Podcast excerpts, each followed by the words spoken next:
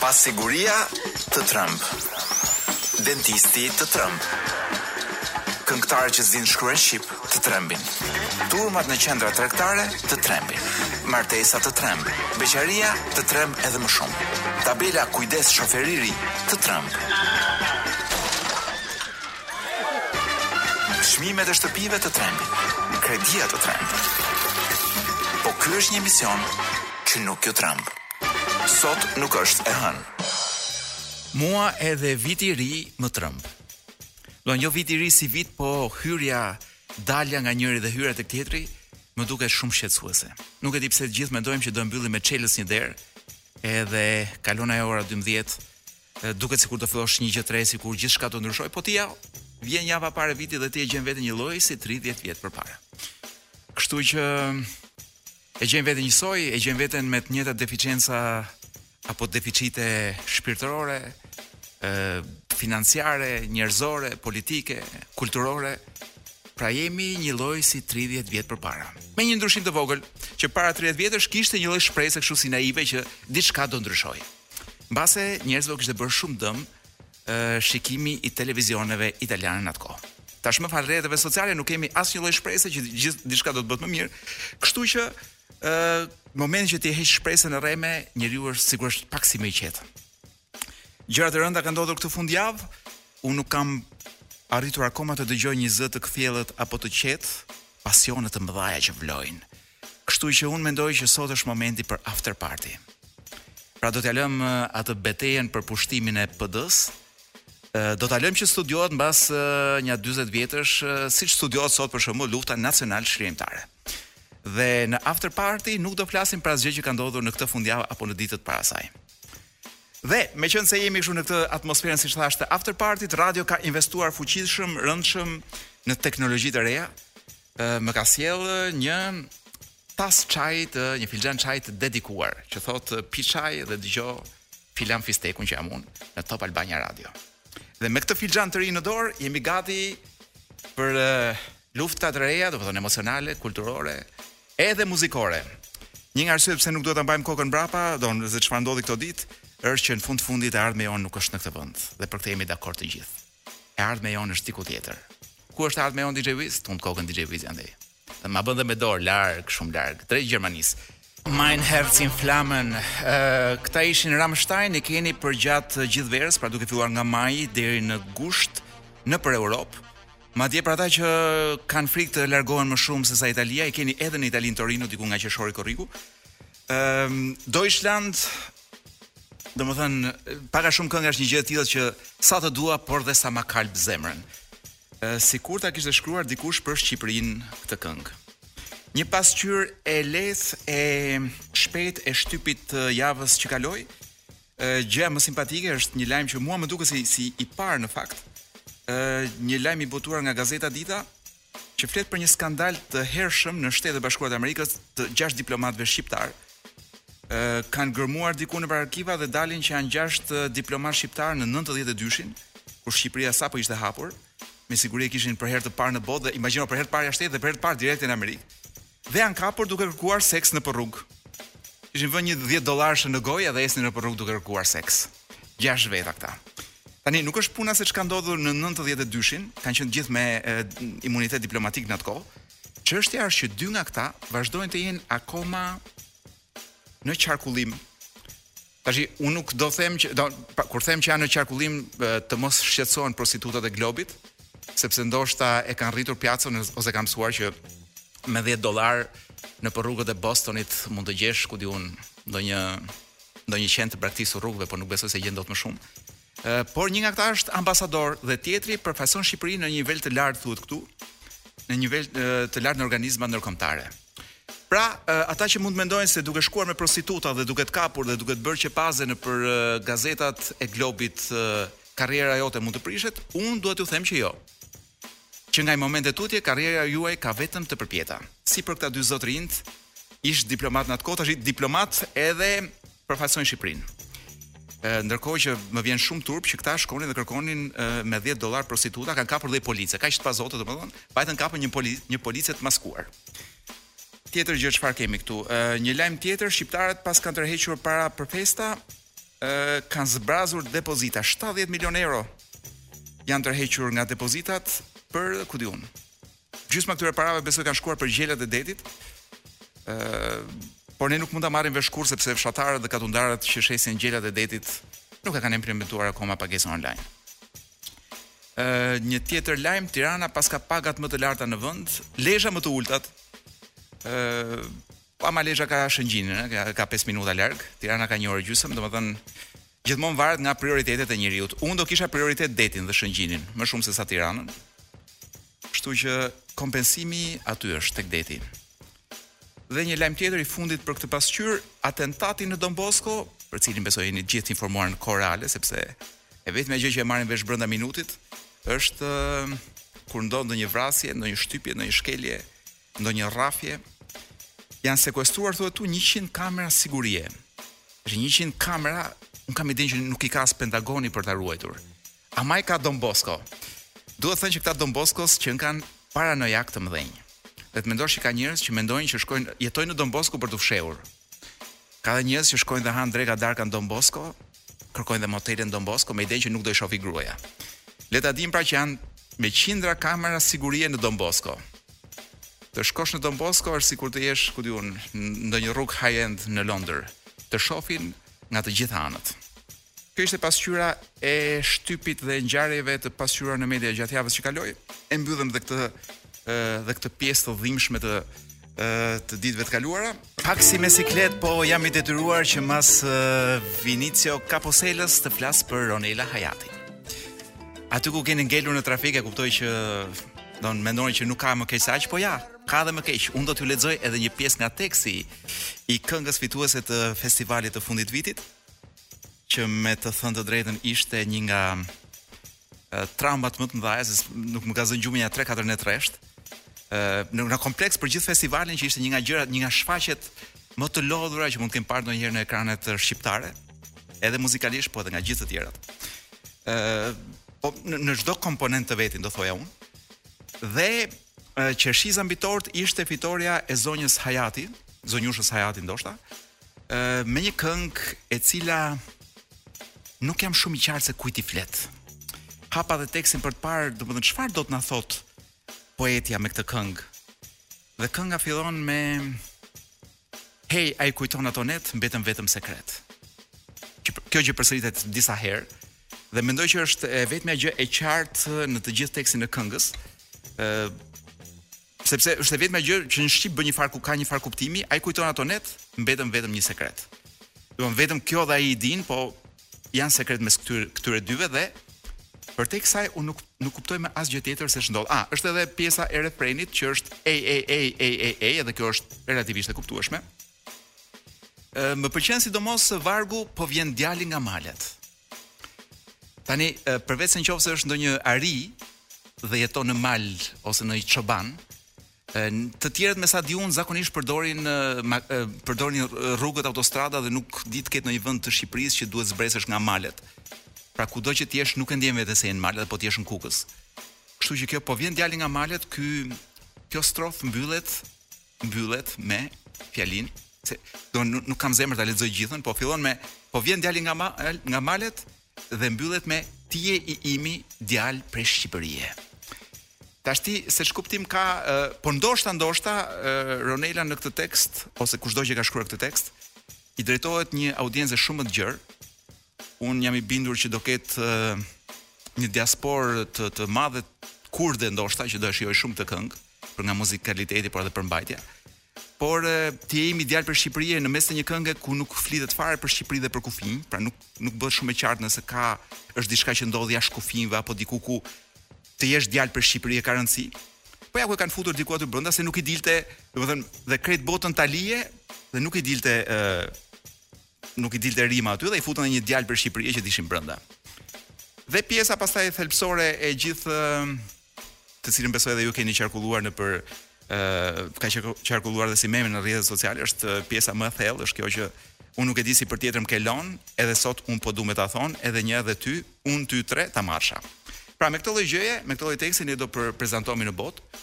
Kështu që ajo botë nuk di shqip për t'u tronditur, por dhe nga ana muzikale Shumë miq të muzikës ishin të tronditur, do thoja që ishte fjalë fjalë e vogël.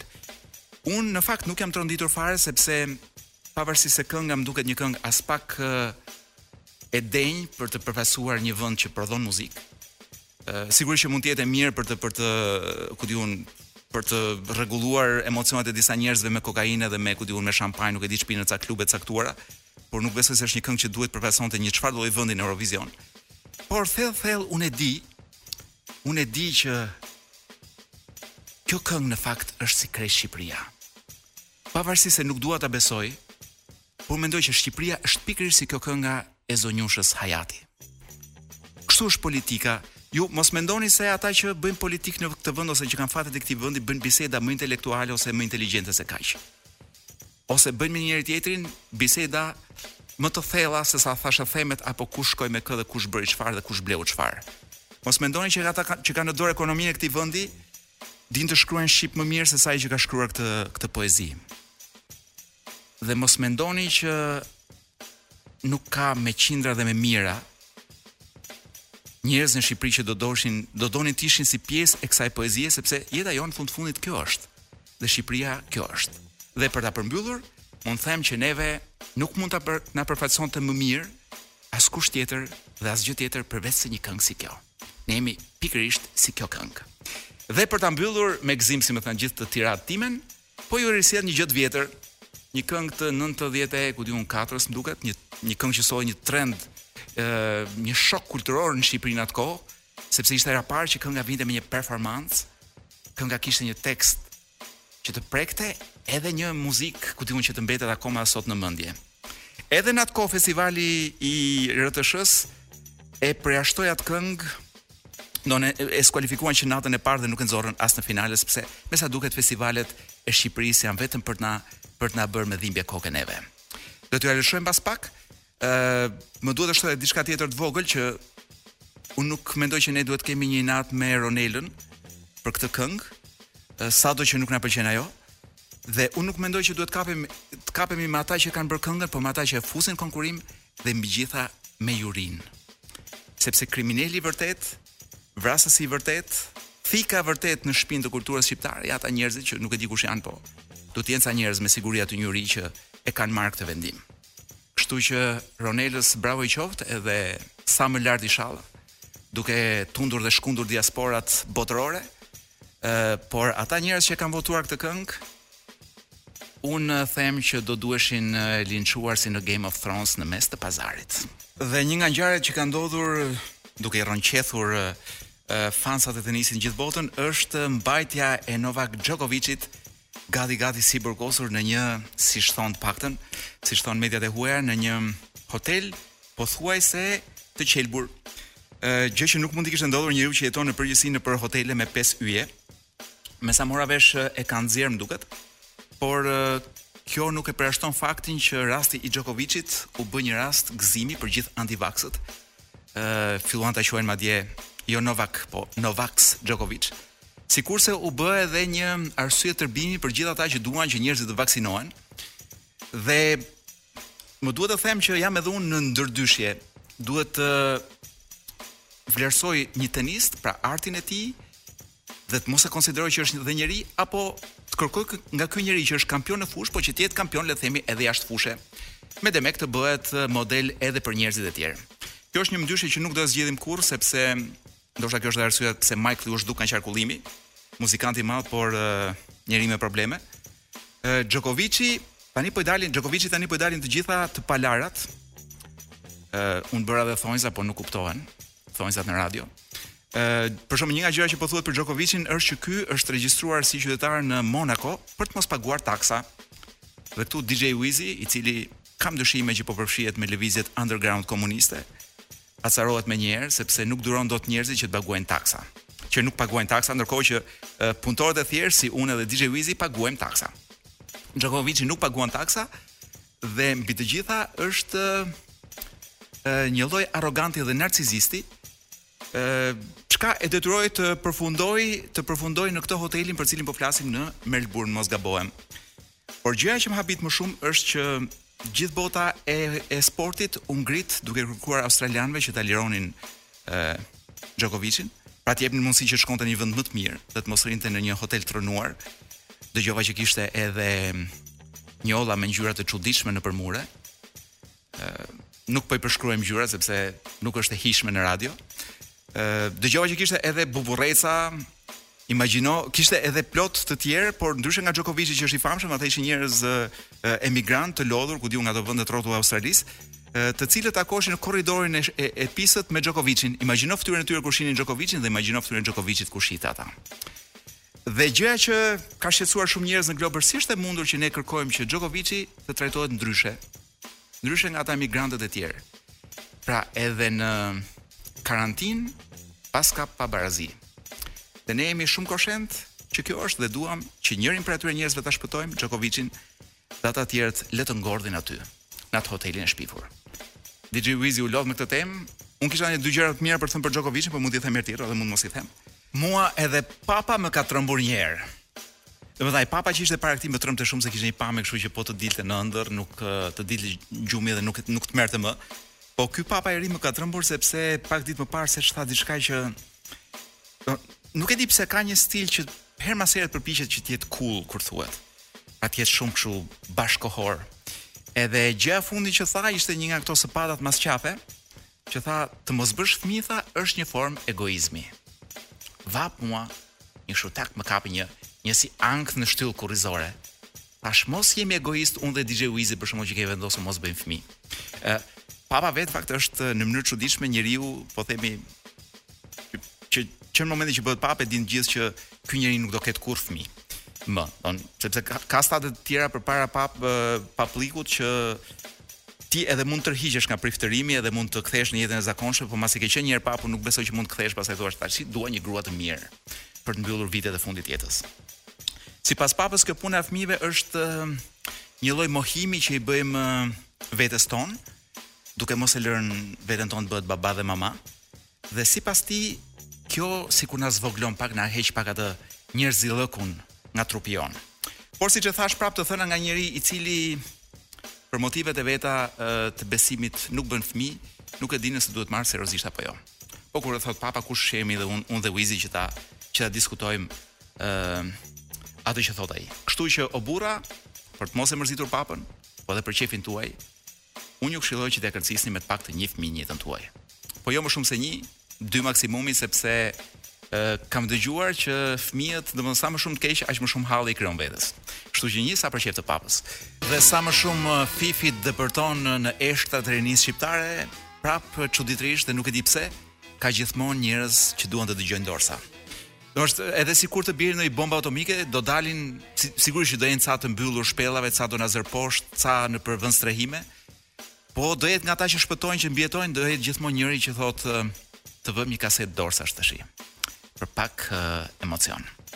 Ë ndërkohë që viti i ri ka kaluar, kush mori dhurata mori, kush nuk mori, nuk mori. dhuratat variojnë që nga ata që i bëjnë dhuratë po themi gruas, por në të vërtetë ia bëjnë shtëpisë, për shembull i blen një ku di unë, një makinë larëse ose i blen një sobë të re, po që të gatuajë edhe për të. Ka njerëz pastaj që ku di unë bëjnë dhurata shaje, ka nga ata që janë më trimat që bëjnë dhurata cash, na kartën e kreditit, gold, shko bli çfarë të duash vetë. Unë jam nga ata që për dhuratë marr libra, Dhe nuk është se më vjen keq. Ky libër që kam marrë për dhuratë këtë vit është është një libër shumë i mirë. E kam në dorë me kapak të trashë.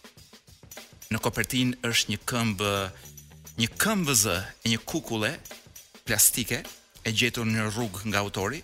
Dhe autori është Ervin Hatibi, Botimi është i para një ose dy muajsh besoj. Titulli është transkript nga krevati tjetër. Ervin Hatibi, ne po flasim për poezi, po ju keni ngecur në trafik, kështu që çfarë do bëni? Domethënë, në trafik edhe me poezi. Ervin Hatibi është për mua një nga poetët më të mirë bashkëkohorë shqiptarë. Ky libri i tij i ri është do thoja unë pak Jo është pak, po shumë i ri, sepse shoh që ai ka eksploruar shumë edhe në formë. Libri ka brenda poezi, po ka brenda edhe diçka si jam pjesë, për shembull vende vende kam parë pjesë arkive të shndërruar në poezi. Ë ka brenda edhe një kujtesë mbi atë që kemi kaluar. Ë ky flet dhe për një njeri të familjes vet. Ë me sa kuptoj unë i masakruar në burgjet e komunizmit. ë por ka edhe gjëra që flasin për botën e sotme, për shembull kam unë e hapa te një nga këto poezitë që quhet Mandala. Mandala është një lloj ë si mund ta quajmë këtë gjë? Është një figurë gje- gjeometrike Wiz, por mandalaja është ë, nëse mund ta them shqip kështu është një lloj ë, udhëtimi shpirtëror që bën njeriu. Pra derisa gjen vetveten e vërtetë. Paktën nuk e di nëse arrita ta shpjegoj siç duhet. Mandala titullohet kjo poezia. Ka një ritëm që është i vështirë të të të recitohet mirë, pra të të të, të thuhet me zë, por unë do përpiqem. Madje mund të lexoja edhe nga ky edhe nga kjo poezia tjetër manga, kë do, mangën apo mandalan DJ Wiz. Ë mandalaja Wiz më pyet cila është më interesante. Shiko secila është e veçantë, po manga është ndoshta pak më e përcjellshme në radio, mandalaja është pak më e vështirë. Po mua më pëlqejnë të dyja. A mirë hajde po të lexoj manga. Sepse mund të ngec te kjo mand te kjo mandalaja në ndonjë vend kështu edhe të turpërohemi të dy bashkë përpara publikut. Atëherë, poezi nga Ervin Hatibi në orën 7:22 minuta. Nuk ka ardhur akoma koha e kokainës për ca? Ëh, por është koha e barit për ca të tjerë. Dhe kjo është një poezi që shoqërohet shumë mirë me bar. Ëh, kur them bar kam fjalën për si quhet ai çaj jeshil që pim me DJ Wizin herë mas here. Ëh, manga. Dihet. Perëndi perandori nuk qe. Por sërish. Piloti nuk donte të zhgënjehej prej tij. teksa bombën gatitej ta hidhte në tokë. Do të dorëzohesh vallë perandor? Do heqësh dot dorë se qeni Zot? Pëshpërit piloti perëndimor. Si një i marrë që një djep hedh nga lart, piloti po hedh bombën e parë. Bombën më të madhe në botë. Thua shkarkoi mbi det gjithë një mal. Stërkala është gjak, kupën e qiellit vesh dheu. Piloti di mirë, sapo i ngreu një katedrale ateizmit. Kjo bombë sa kulmi i qytetërimit, po është sapo zhduku gjithë një qytet. Tej, Perandori ende po hesht. Besoj kuptohet që bëhet fjalë për bombën për perandorin japonez dhe për bombën që u lëshua në Japoni, ëh. Pra, tej, perandori ende po hesht. E dihet. Zoti rrem që ai, zoti rrem ai që. Ndonëse piloti ende kish shpresë. Si mundesh dot vallë të dorzohesh? Nëse zot quhesh, të vetmohesh, me një frikë bombash, sado të mëdha. E ja ku me bombën e dytë po larton. Një tjetër kupolë në horizont. E s'është më kupolë, po bëhet balon. Të ngrihet në qiej rozë me ngadalë, mbushur në agoni që e shtyn lart. E tej në pallat, në cep të lotit, në mëndafsh ia fshin perandorit, një zjarr pasqyruar që prej larg. Sa fort po djegka pika lotit, unazë në gishtin e pilotit. Sa shtyp butoni vrastar, mbytur vaj, një tjetër qytet me zjarr mbyt pa faj. Si që zgdhihen fëmije, hapen nga lart. Një blozë rozë pastaj nga lart nis e zbret.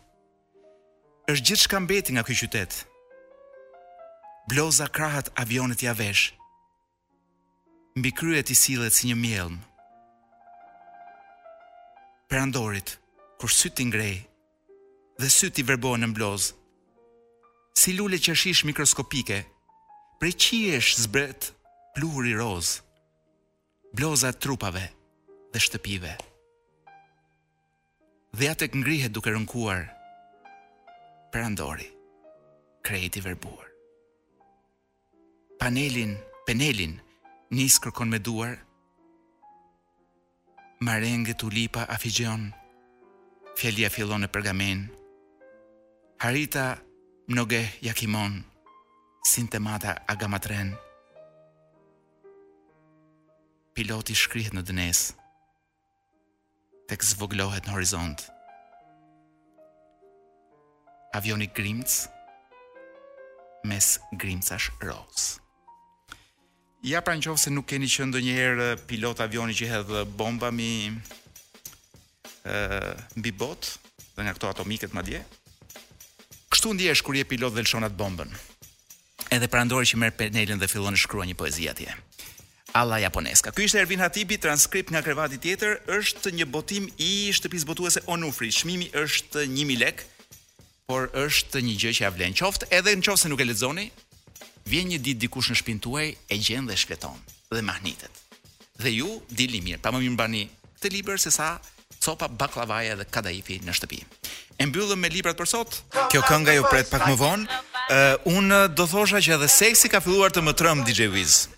Domthon, po e kam fjalën për seksin e gjeneratave të reja. Kemi hyrë në dhe gjenerata e re i them gjeneratës Z, njerëz të cilët uh, kanë lindur ose janë pjekur në kohën e Zoomit. Ëm uh, DJ Wizi mund të ishte ah për pak mund të mund të kish kapur dhe Z-ja. DJ Wizi është gjenerata XY, sepse ka preferuar të jetë me disa gjenerata bashkë, pra nuk nuk do që të rri vetë, pra tenton të mbajë një këmbë këtej dhe një këmbë andej. Ë gjenerata Z që është kjo gjenerata re ka filluar, ka shpikur një gjë. Në fakt un e nisa me qejf shumë të madh thash kanë shpikur një gjë. Pastaj kuptova që nuk është një shpikje e madhe, madje ishte një gjë që unë më duket sikur e kam ditur gjithmonë, po të bëjmë sikur sapo e morëm vesh. Është një gjë që quhet një trend i ri në në lidhje dhe ndër, në ndërtimin e lidhjeve dhe në krijimin e çifteve apo ku di un si ta them, në atë gjë që amerikanët e quajnë dating, ë një trend i ri i cili quhet hardballing. Me demek me ta plas ballit, që ose mund ta përkthej shumë trash në shqip. Kjo e plasura ballit, uh, ja t'ju a them pak a shumë se çfarë është, uh, unë lexova në fakt një artikull relativisht të gjatë në New York Post, uh, i cili fliste për këtë të plasurën ballit, pra për hardballing, i cili konsiderohej si një diçka që mendohet apo besohet që mund të revolucionarizojë komplet uh, pjesën e lidhjeve dhe të marrëdhënieve të çifteve, uh, krejt ndryshe nga ç'e njohim. O burra thash, ç'është kjo gjë. Ë uh, hardballing nuk është gjë tjetër vetëm e thëna troç. Pra njerëz të cilët ta thon troç që në fillim, madje që kur bën ato shkëmbimet e para në rrjetet sociale, ë uh, ose ndoshta po takosh fizikisht, ë uh, pa arritur akoma puna për të të kërkuar të dilni të takoheni të pini diçka të hani diçka të flini diku ë ky zotria të thot apo ajo zonja të thot direkt un dua këtë gjë nga ty ose un po kërkoj këtë gjë pra e folura troç është një revolucion tashmë ë ku ti ja thua tjetrit pa u taku pa filluar akoma lidhjen i thua se çfarë do po kërkon një diçka për një natë po kërkon shoqëri vetëm apo apo po kërkon diçka më shumë dhe Kjo qenka një gjë shumë e re. Unë e dija si një gjë të vjetër në fakt. Ë, thuhet më duket diku edhe në Bibël që çdo gjë është thënë. Pra nuk ka asgjë të re nën këtë diell. Ë, çfarë ka qenë, do të jetë prap. Ë, çfarë është bërë, do të bëhet prap. Diçka tillë është. Kështu që edhe në këtë pikëpamje kjo thëna troç, mu më duket sikur ka qenë çik në qarkullim. Ë, nuk më duket fare gjë e re. Madje unë mendoj që ndoshta po mase është ky problem i gjeneratës Z. Ndoshta këta ka nevojë ta shpikin këtë të folurit troç se kush e di ç'bëjnë me njëri tjetrin. I bien rrotull e rrotull domethënë për muaj dhe për vite të tëra dhe kanë vendosur që të flasin troç. Ë Unë mendoj që është një metodë e mirë, shumë e mirë për të sidomos në këtë kohë që jetojmë, ku nuk kemi kohë as për të marrë frym. Ndoshta është gjë e mirë që të humba, të mos humbasësh kohën e njërit apo tjetrit. Thjesht më duket një gjë e vjetër, nuk më duket gjë e re është më kujtoa dikur ishte një lexoja dikur për një për një tip trajneri që trajno, trajnonte burrat se si t'i fitonin zemrën e vajzave. Dhe një nga këshillat e tij të para ishte pikërisht kjo, ky ishte i huaj në fakt. Nuk arrita, nuk pata kurrë fatin të trajnohesha prej tij. Por lexova për të dhe ky i këtë këshillë i jepte meshkujve. Flisni troç, bëjini të qarta zonjave dhe zonjushave qëllimin tuaj. Dhe prandaj shumica e tyre ngelën beqar për gjithë jetën sepse e bënë shumë të qartë qëllimin e vet, i cili nuk u pranua nga ana tjetër. Gjërat kanë ndryshuar. Gjërat kanë ndryshuar. Ë kjo gjeneratë, ky brez i ri, me sa duket ka shumë probleme në marrëdhënie, edhe kanë gjetur diçka për të eliminuar gjithë stresin që mund të kenë. Thonë atë gjënë që ne zakonisht e kemi thënë të fundit, e kemi thënë pas disa muajsh, ta thonë të parën. Seks sonte po, mirë hajde pim një birrë njëherë. Domethënë kjo është dhe mua më duket DJ Wiz sa gjynav që nuk po jetojmë dot në në don sa gjynav që kjo gjenerata Z për shembull, ne të gjeneratës F nuk na pranon në mes tyre. I dukemi shumë të mëdhenj në moshë. Ë është gjithsesi një gjë shumë e bukur. Unë mendoj që do sjellë vetëm gjëra pozitive dhe shpresoj shumë që ky brez i ri ë më në fund të arrijë të bëjë seks, sepse më duket një një një gjeneratë, një brez që nuk bën më seks. Don preferojnë më mirë të luajnë në kompjuter sesa të bëjnë seks. Unë këtë nuk e kam kuptuar akoma, po ndoshta jam shumë i ë Domthon, jam shumë i rritur dhe shumë i pjekur për të kuptuar hallet e kësaj bote të re që ka lindur. Këta ishin Gypsy Doodle me Analogic, ju i dëgjuat në Top eh, Albania Radio. Jemi pothuajse drejt fundit, por përpara se t'ju japim atë kolpon finale, pra të goditjen finale, eh, thashë pse mos diskutojmë diçka që e harruam shumë shpejt. Ë eh, Dhe ka të bëjë me ato dhënat që dolën ku unë dhe DJ Wizi humbëm përfundimisht shanset që të të vlerësohemi dhe të respektohemi nga të tjerët në rrugë sepse doli që i kishim rrogat shumë të vogla për respekt. Ëm kjo puna e shoq, po gjithë publikimit të dhënave sigurisht që u shoqërua gjithmonë si gjithmonë me kryeministrin që sa herë që plas një skandal ka gjetur një formulë që mbase i funksionon. Që del atje e thotë A, kjo gjëja, po po, kjo ndodh në, po kjo ndodh në Norvegji, kjo ndodh në Amerikë, ndodh në gjithë vendet më të zhvilluara të botës sipas kryeministrit. E vërteta është që ai gënjen gënjen në të gjitha rastet sepse në asnjë nga ato vende ku ai thotë, këto gjëra nuk ndodhin, kështu si në Shqipëri. Ë Kjo puna e e kësaj databazës më duket sikur kaloi shumë shpejt. me demek u gjetën tre njerëz, pastaj dëgjova që ata mund mos jenë, dikush që i kishte dalë emri sikur ka nxjerr databazën, në fakt nuk jetoka në Shqipëri. Ë janë hetime, unë u habita sa shpejt dolën hetimet një herë. Domethënë kur arriti e, prokuroria të krijojë aq material sa ta rrjedh në media. Meqenëse fjala kur rrjedh diçka nga prokuroria, nuk është media që ka shkuar dhe ka vjedhur materialin. Është prokuroria që ia ka kaluar medias sepse i intereson që të merret vesh vërdallë se ç'po ndodh. Ë rrodhi shumë shpejt. Ë unë nuk besoj që prokurorët kishin aq shumë kohë për të kuptuar se ç'ka ndodhur. Por me sa duket deshën vetëm të thonë shiko janë ja 3-4 budallenj atje që e kanë bërë këtë gjë, ca njerëz të vegjël don, pra ca njerëz pa pikë rëndësie, ë probleme individuale, pra nuk janë probleme të sistemit. Ë Unë mendoj që gjëja shumë e madhe dhe ne nuk folëm fare për këtë gjënë. Për shembull, unë mendoj që gjithë kjo që ndodhi ka sjellë një tronditje shumë të madhe te shteti tek institucionet publike. Ndërkohë që ishin të rrënuara si imazh, mbas kësaj unë nuk e di a mund të kemi ndonjëherë më besim ë për t'i dhënë dhe ku di un, edhe numrin e, e këmbës ë një një funksionari të shtetit, sepse nuk dimë se ç'mund të bëjnë me këtë lloj informacioni. Kështu që e gjitha kjo ë duket sikur u mësuam me këtë gjën, ka ndodhur punë e madhe tani, hajt të shohim se çfarë skandali do na sjell tani. ë Un pata fatin të lexoj një artikull të Selami Xhepës, i cili nuk e kishte lënë këtë çështje dhe vazhdonte ta ngacmonte. Dhe po lexoj një pjesë disa rreshta nga shkrimi i tij tek Panorama, ë ku ai flet për databazën ë si një formë e cila na tregoi pra si një si një shpërfaqje e sistemit ekonomik dhe social që kemi ndërtuar. Për shembull, ja ku thotë këtu, u shfaqën aty thotë personazhe dhe figura të njohura publike nga bota e artit dhe medias, nga biznesi po-, dhe politika, nga gjitha grupet sociale, të cilat raportonin të ardhura mujore sa dy paga fasonisti. Ndërkohë që jetojnë në vila luksoze thotë, në periferinë e kryeqytetit, dhe pagat e deklaruara nuk mjaftojnë vetëm për të paguar nuk mjaftojnë vetëm për të paguar baçevanët dhe rojet e sigurisë që rrethojnë këto oaze imituese të botës së parë thot brenda botës së tretë. Dhe kjo është një gjë shumë e vërtetë. Atyre sigurisht që nuk u vjen turp, po ne mos vallë duhet të na vijë ne turp që t'ua përplasim në fytyrë atyre se çfarë bëjnë? Kështu që un jam i mendimit që ne nuk duhet ta lëmë këtë gjën e databazës të rrjedhë shumë, si më thën, të kalojë kështu si pa gjë të keq. Ne duhet t'i zhysim duart mirë aty brenda, edhe të nxjerrim, si më thën, nga e thesi pisët, të kapim dhe të nxjerrim ç'ka për të nxjerr, të nxjerrim të gjitha. Për shembull, un shqetësohem shumë kur shoh që ndërkohë që minatorët atje në një nga ato, ku di un kompanitë e mëdha, ë nuk ishte nuk ishte një minierë, nuk ishte një nga këto të naftës. Minatorët nuk paguhen prej muajsh, janë, bëjnë greva urie, ndërkohë që disa njerëz po në të njëjtën kompani paguheshin me dhjetëra mijëra euro për shembull. Për këtë nuk flet askush.